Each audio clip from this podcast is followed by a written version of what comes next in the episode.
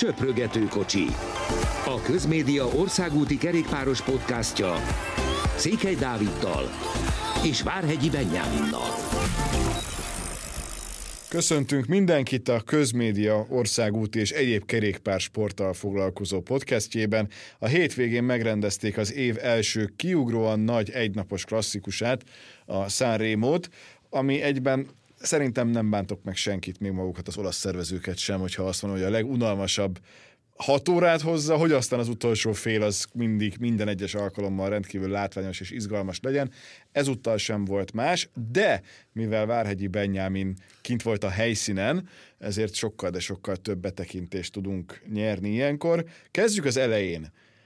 Versenyt megelőző napon milyen az egész hangulata a rajt településnek, ami nem Milánó, hanem attól egy 20 kilométerrel arrébb.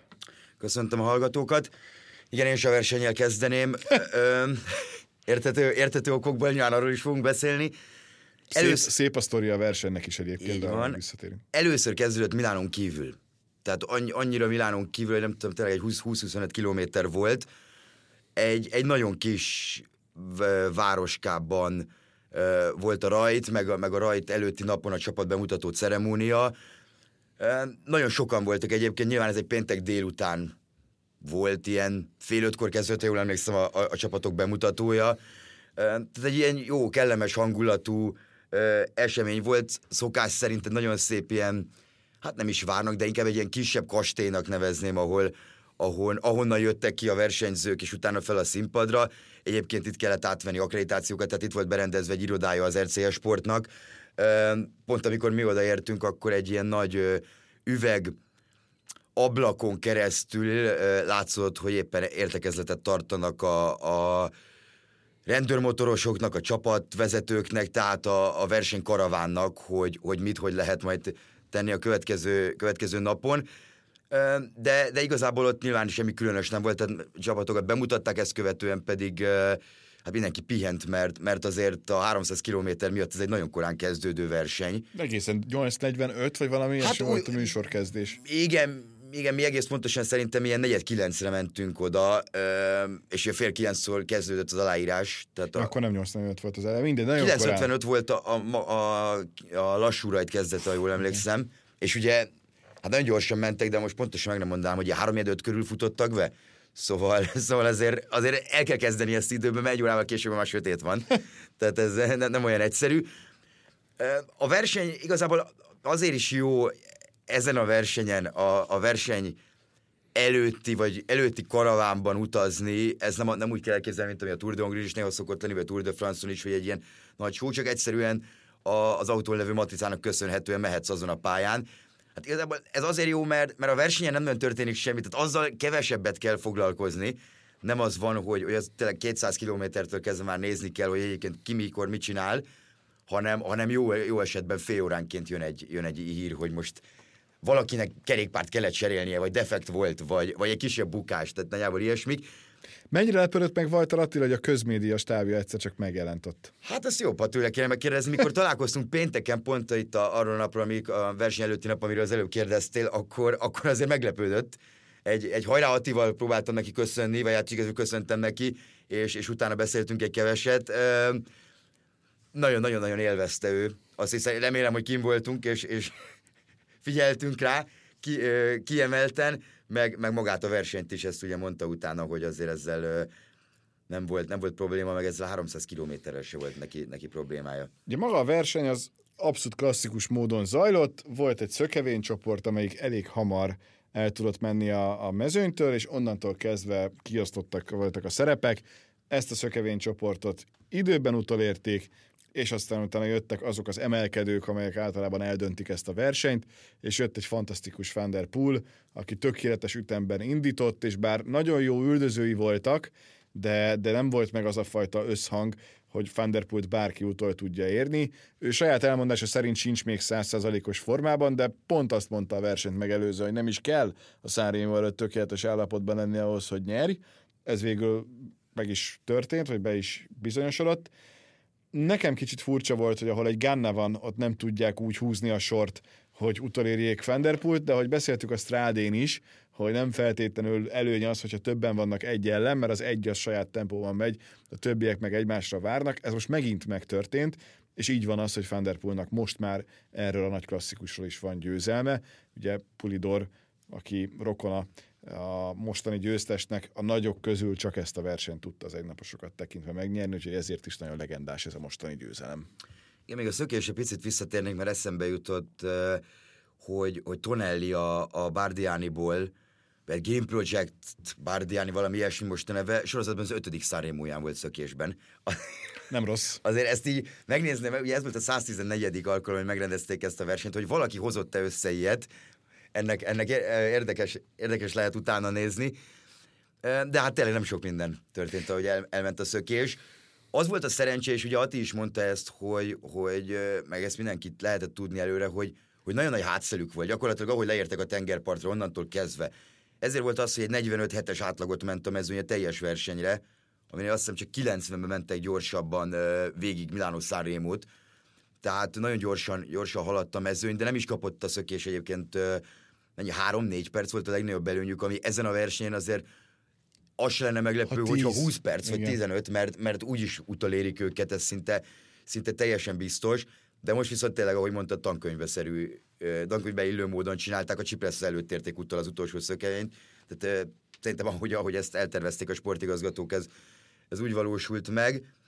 A, a vége meg nagyon izgalmas volt, mert, mert ugye Pogácsár támadott, meg az UE hasonló taktikát próbált, mint, mint tavaly, hogy kicsit szétszedi a mezőt, tehát ez nem kicsit sikerült ugye Vellensnek, és akkor Pogácsára tavalyival ellentétesen most nem négyszer, hanem egy nagyot próbált támadni, és abba, úgy pedig a tíz emberből lett négy, ugye, ugye az első négy helyezett. Van der Poel pedig, pedig nagyon-nagyon okos volt. Ez, ezt, mikor újra néz az utolsó fél órát az ember, és csak az ő helyezkedését figyeli, de igazából emiatt az egész verseny érdekes, mert, mert a Jumbo-t láttuk elől, az UAE-t láttuk elől, de, de az Alpecint igazából egyszer sem, és jól emlékszem, nem is az, hogy Van Der Poel megjött, megnyerte a versenyt, hanem nekik a top 15-ben lett három emberük, mert, mert Philipsen is egész jól bírta, és, és Krag Andersen is uh, sokat segített ott Van Der Poelnak a egy-két, egy-két megindulással. Ráadásul volt egy olyan szituáció, ami nagyon érdekes volt a Cipressa után, amikor hát egy lejtmenetben úgy tűnt, hogy Van Der Poel, Trentin és, és talán Krag Andersen ők támadnak a mezőny előtt. És nem is nagyon értette senki, hogy ott most komolyan Van Der Poel 30 a vége előtt akar támadni, mert, mert az teljesen rendhagyó lett volna, de nem, hanem valószínűleg csak arra gondoltak, hogy, hogy nagyon-nagyon sokan voltak még a mezőnyben, és, és emiatt egyszerűen lejtmenetet a lehető legjobb pozícióban kell megkezdeni, ez pedig elől van, hogy, hogy igazából minden rajtad múljon, tehát az is egy nagyon okos dolog volt, de, de Mátyonén emlékszünk, hogy tavaly az ország verseny volt a Sanremo országúton, és harmadik lett kezdésként. Szóval, szóval neki egyrészt nagyon fekszik ez a verseny, mert egyszerűen nagyon jól olvassa, hogy, hogy mi történik. Arról nem is beszélve, hogy ő mennyire a, mennyire a nagy versenyek embere egyébként, mert amilyen győzelmei vannak, hát azok szinte mind-mind a legmagasabb polcon levő versenyek, az Amstel, 19-es Amsteltől kezdve, Szóval, szóval ő nagyon-nagyon formába tudja magát hozni. Ettől még én nem értem, hogy egy Ganna hogy nem érte utol. Tehát nekem az a furcsa, nyilván ez nem csak egy sík időfutam, hanem itt a lejtmenet is rendkívül meghatározó, hiszen ha valaki esetleg nem nézte, bár szerintem a, a podcastet hallgatók közül mindenki nézte valamilyen úton, módon, de, de, de pont az, hogy ilyen hullámos a vége, akár a Poggio, akár a Cipressa, itt azért az biztos, hogy, hogy kellett egy jó lejtmenet is, ezért bánja nagyon az ember, hogy Pitkok végül nem tudott elindulni, de, de, de hogy Ganna a síkon az utolsó két kilométeren nem tudott hozni gyakorlatilag semmit, az, az nekem meglepő volt Fenderpullal szemben. Még akkor is, ha, ha Matthew Fenderpullról van szó, még akkor is meglepő szerintem, mert, mert uh, talán, hogyha, hogyha mondjuk Pogácsárt kicseréljük Evenepullal, akkor tudsz a világon jobb uh, három, mini csapatidőfutamot, vagy három olyan ember találni, aki, hogyha együtt akkor tényleg nincs az, akit nem érnek utol. Tehát Ganna, Fanart, és, és azért Pogacsár sem egy rossz időfutam menő nyilvánvalóan. De, de nyilván 290 km után ez nagyon nehéz. Nagyon kevés az idejük egyébként arra, hogy, hogy, hogy ott másfél, 1,8-2 kilométeren ők összeálljanak és elkezdjenek együtt dolgozni.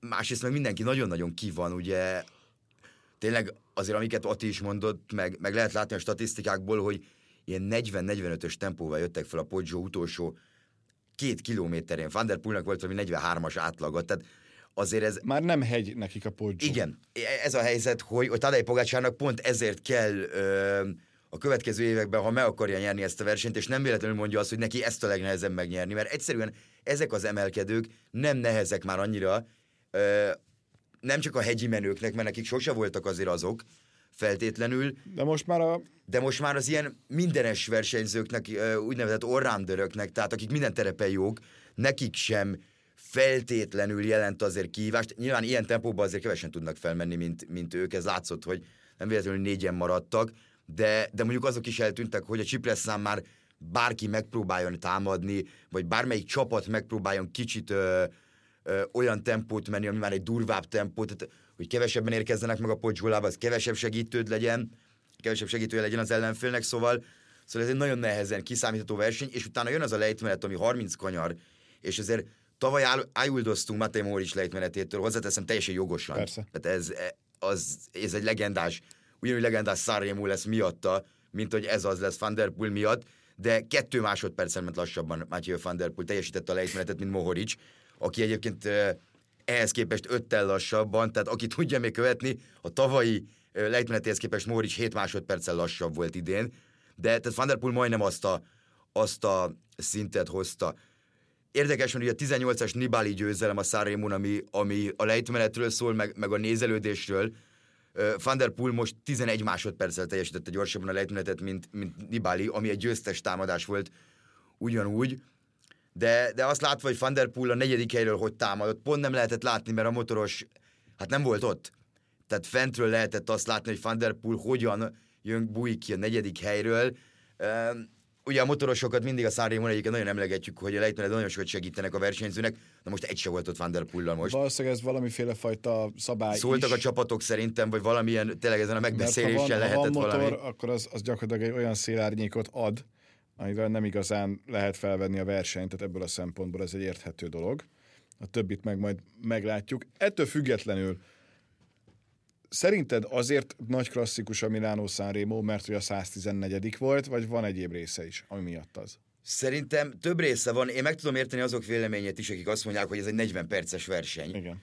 Csak, csak azért Csak előtte bemelegítesz 5 és 3 órán így keresztül. van, tehát annak megvan az oka, hogy ez miért ennyire hosszú, és, és megvan a szerepe is a verseny során. Mert most gondoljunk abba bele, aminek épp Walter Attila mondott, hogy, hogy persze, hát most ez a 6 óra 20 perc, amit alatt ők most végigmentek, ez, ez az őszintjükön egyáltalán nem sok, már csak azért sem, mert, mert mondjuk egy 5 5-5 és fél órás keményebb edzés a hegyekben, az azért jobban kifáraszt egyébként, mint mondjuk ez a verseny, főleg így, hogy szembeszél van, és tényleg gyakorlatilag repülsz. Tehát a, a Cipressa előtti 30-35 percnek volt ilyen 55-ös átlaga, vagy valami hasonló, vagy 54-es, ilyen döbbenetes felfogni, hogy ilyen tempóban men- mennek kerékpáron végig a tengerparton, ami, vagy hát a tenger mellett, ami, amin szerencsére mi is végig tudtunk egyébként menni a kocsival, és az, Gyönyörű az, az egyszerűen lenyűgöző. Én voltam életemben már egyszer azon az úton, de, de azért kicsit más, hogy az embernek azt kell figyelni, hogy a Milánó Szárimo mezőnye mennyivel jön mögötte, tehát mennyire kell sietned neked a célba. Meg hát nyilván valamennyire azért lezárt volt. Nem azt mondom, hogy egy-két nem oda való autó nem került be a, a pályára, mondom, ilyen 45 perc, egy órával a mezőny előtt voltunk, tehát még azért nyugodtan le, le ö, szedhető volt a biztonságiak, illetve a rendőrök által, de, de minden esetre azért azon az úton nagyszerű végigmenni, és ez szerintem rájuk is igaz, bár Ati mondta, hogy az utolsó 100 km az már olyan, mint egy sprint felvezetés. Ami egy szintén döbbenetes A, dolog. ami belegondolunk, hogy 100 kilométerről van szó az, szó, az hihetetlen, és azért ott már jön a, jön a három kisebb dombocska, ugye a Kápik, majd, majd ugye a Cipressa és a Poggio, tehát a Sanremo szerintem azért nagy verseny, mert, mert minden évben máshogy, máshogy nyeri meg valaki, és, és egyébként... Igen, mert van, hogy célfotó is 20 érkeznek be egyszerre, van, hogy így, ahogy most láttuk Van der Poelt, vagy említetted Niberit, és akkor van, hogy a kettő között félúton valami, és egy pár másodperc van. Tehát az, hogy itt most, amit Gergő is mondott egyébként a közvetítésben, hogy, hogy még föl is teheti a kezét és ünnepeled, az azért nem annyira megszokott. Mint... Ez nagyon nagy különbség ez a 15 másodperc egy, egy Sanremo-hoz, meg, meg ugye az az érdekes, hogy most csak végigmegyünk az elmúlt pár évben, évben hogy, hogy idén volt a Van der Poel, aki a Poggio hát utolsó 200 méterén támadott, és, és nem is volt olyan nagy az előnye, majd utána lejtmenetben nőtt ez igazán. Egyébként mindenhol ő volt a gyorsabb, tehát mindenhol adott a, a másik három versenyzőnek. A tavalyira, emlékszünk, Mohoric a lejtmenettel nyerte meg, a, a tavaly előtti volt talán Jasper Stuyven győzelme, a 21-es, aki pedig a, igazából a síkon támadott az utolsó két kilométeren, és úgy tudta meglepni a többieket. Szóval ugye Fanárt egy hármas sprintet nyert meg, ha jól emlékszem, Nibali szintén egyedül jött meg, szóval mindig máshogy nyeri meg a, a, valaki ezt a, ezt a versenyt, úgy, hogy az útvonal gyakorlatilag nem változik. Hát a vége nem. Már te... ott is próbáltak Szerint... variálni, de az nem működött. Igen. A, szerintem ahogy a tengerparttól leérnek, onnantól nem nagyon változik az útvonal, ami, ami azt a logika azt vetíteni, vagy arra következtetne ebből, hogy, hogy akkor minden évben hasonlóan nyeri meg valaki, de nem. És azt hiszem az utóbbi 15 évben van 15 győztes a Sanremo-nak, tehát még ez is kiszámíthatatlan, hogy kicsoda, és azt hiszem ennek a versenynek, ezt a versenyt nyerte meg legkevesebben bárkit egynél többször a, a nagy klasszikusok közül. Szóval ezek mind-mind arra utalnak, hogy teljesen kiszámíthatatlan, meg megmondhatatlan, meg, meg nem lehet ilyet még a legnagyobbaknak sem, hogy most vagy győzelem, vagy egyébként ez egy rosszul sikerült verseny volt, mert ha megnézzük a top 10 vagy a top 4 interjúját, akkor is senki nem az, igazán azon gondolkodott, hogy mit rontott el. Mondjuk az a kép a háromról, az mindent elárul, hogy milyen csalódottak voltak, hogy nem sikerült. Még egyébként ezzel kapcsolatban ennyi háttérinformáció, hogy a, a versenyt megelőzően az esélyes csillagozásból az jött ki, hogy konkrétan Beni 50 embert tudott nekem elküldeni, hogy ki lehet esélyes, abban nyilván 40 volt egy csillagos kb. vagy még 35, de ez jól mutatja azt, hogy, hogy mennyire kiszámíthatatlan és lehetetlen megmondani, és egyikünk sem találta el, mert Fanárt bár közelebb volt, igen, ő harmadik lett, Skrág meg ötödik, így van. De nagy különbség nem volt az első helyre, meg várni kell a következő versenyig. Úgyhogy, úgyhogy ebből a szempontból tényleg ezt egy, felfogadjuk úgy, hogy a legnehezebben megtippelhető verseny. Úgyhogy nagyjából az első húszat meg tudod mondani, de a sorrendet az teljesen lehetetlen. Igen, azt meg tudja az ember mondani, hogy ki lehet a kapitánya egy adott csapatnak, csak most bejön egy nagyon rosszkor esetleg egy, egy, egy kisebb bukás, vagy bejön egy nagyon rosszkor egy defekt, és ha ez az utolsó 50-60 kilométeren belül van, akkor gyakorlatilag vége a versenyednek. Igen, mert Sőt, akkor már felvezetése mert akkor, mert akkor már tempó van, akkor már mire visszaérsz, onnantól nem tudsz annyit regenerálódni a, a Csipreszáj meg a Poggioig, mert tényleg itt ilyen másodpercek alatt dől el a Sanremo, hogy, hogy éppen most ki mit csinál taktikailag, Bennem volt egy pici remény, hogy Walter Attilát ilyen jokerként előre küldik az utolsó előtti hegyen, nézik meg, hogy valami váratlan legyen, de ez végül nem történt Igen, meg sajnos. A, a Jumbónál sajnos az is, az is közbejött, hogy, hogy pont egy ilyen elég balszerencsés eset volt, amikor talán a Csipressa előtt vagy lábánál gyakorlatilag ugye Jan Tratnyik esett, és, és Kwiatkowski volt még az, aki, az, aki nem tudom, hogy esette, csak azt láttam, hogy ott van vele, de, de tényleg amikor olyan szituáció, hogy és egy nagyon fontos embert veszített el Wood azzal, Szóval, szóval az nagyon rossz jött a Jumbónak, és, és ezért ott kicsit meg is zavarodott a csapat, mert, mert Laport is egy kiemeltebb ember volt, de viszont Atti meg, meg ezt a szintű helyezkedést, pont az ilyen dolgok miatt jó neki a Tirreno Adriatico, amikor nagyon sokat kellett a mezőny előtt menni. Talán említette is, hogy hogy, Rengeteget tud benne még fejlődni. Hogy ebben nagyon-nagyon sokat tud ebbe a verekedés, mert tényleg 100 km sprint felvezetés, és ő azért nincs hozzászokva ahhoz. Nem kellett eddig olyan jellegű feladatokat végeznie. Voltak kivételek nyilván egy Giron, egy hegyen, nem tudom, 10-15 kilométeren át, de ott azért talán kisebb a helyezkedés, mint, mint egy ilyen Sanremon, vagy, vagy egy szeles napon egy, egy Tirreno Adriaticon, tehát ezeket, ezeket tanulnia kell, de, de ez egy olyan verseny, amit, amit tényleg nagyon-nagyon sokan meg tudnak nyerni képességek alapján, aztán, hogy kinek hogy jön ki az az adott, nem is nap, hanem 40 perc, meg mondjuk előtte tényleg van-e valami bal szerencséje, vagy tényleg meg tud bújni a mezőn, mert látjuk, hogy Matthew van der Poel egész nap bujkált a mezőnyben, nem kellett uh, elő lenni a csapatának. Kicsit így elítette mindenkivel a Tirinon, hogy ő egy ilyen félhalott versenyző most, és, hm. és igazából semmire nincs esélye. Uh, na most látjuk, hogy, hogy, ez, hogy ez hogy alakult, de, de tényleg azért a nagy versenyeken uh, nagyon-nagyon komolyan uh, oda tudja tenni magát. Na, foglalkozzunk picit szerintem még a, a többi versenyen nem igazán foglalkoznék, mert legyünk őszinték, egyik sem igen, sok egynapos volt a, volt a múlt héten, nagyon sok bukást láttunk a, a belga meg francia versenyeken. Igazából tényleg, ha azt mondom, hogy egy dolog, ami megmarad, akkor azt mondom, hogy ez a töménytelen mennyiségű bukás, mert... mert meg sose jó, ha ez marad meg. E, igen, egyáltalán nem jó, de, de és nem a pályák miatt feltétlenül, hanem inkább a versenyzés miatt, hogy, hogy tényleg gyakorlatilag 30 emberről lehet tudni, vagy 40-ről, aki, aki a múlt héten esett, és mondjuk 10 olyan, aki, aki egynél többször. Most egy Viktor Kampenárc, akinek uh, talán csigolya töréséket szenvedett a, a pénteki uh, Bredenek Oxide klasszikon, ha jól emlékszem, szóval, szóval nyilván van, vannak versenyzők, akik nagyon jó eredményeket értek el, gondolok például Lorenz Pittira, akinek van három top 10 a múlt hétről, és egy győzelme, De, de, ez de, nem az inger küszöb, hogy őszintén. de, de, Foglalkozzunk inkább a Ez azért katalán körrel. Katalán kör. Mert az viszont egy olyan verseny, amit érdemes nézni minden egyes nap, mert, mert minden egyes szakasz nagyon-nagyon jó, és hát mondhatjuk talán azt, hogy egy pici ilyen Giro előzetes is, abból a szempontból, hogy Evenepul és Roglic összecsap, de Carapaz, Hindley, Almeida, Edem Jéz is itt van a mezőnyben, és nekem egyébként az egyik kedvenc versenyem, itt azért ebben főleg hétközben van három kőkemény hegyi szakasz, és a végén az a Barcelona-Barcelona is elég menő a körpályával. Sajnáljuk, hogy Bajtar Attila nincsen, mert neki az az egyik kedvenc szakasza minden évben, de itt most ő ezen nem kap lehetőséget. Igen, ami nem is feltétlenül baj, mert egyrészt ugye nem megy a Giro-ra, tehát ez már azért tényleg, ahogy mondtad is, abszolút Giro főpróba, másrészt pedig, másrészt pedig azért nagyon-nagyon sokat versenyzett most az elmúlt időszakban, és, és a kopira sem megy. Ugye arra ment volna a kopia Vártelire, ami holnap kezdődik, és, és szombaton ér véget, az is egy elég kemény verseny, még ha nem is a World Tour színvonal, de, de egy nagyon kemény verseny minden évben. A katalán kör pedig, pedig mindenképpen, és talán ez a, a katalán kör a, az egyik legnehezebb egyhetes alapból is.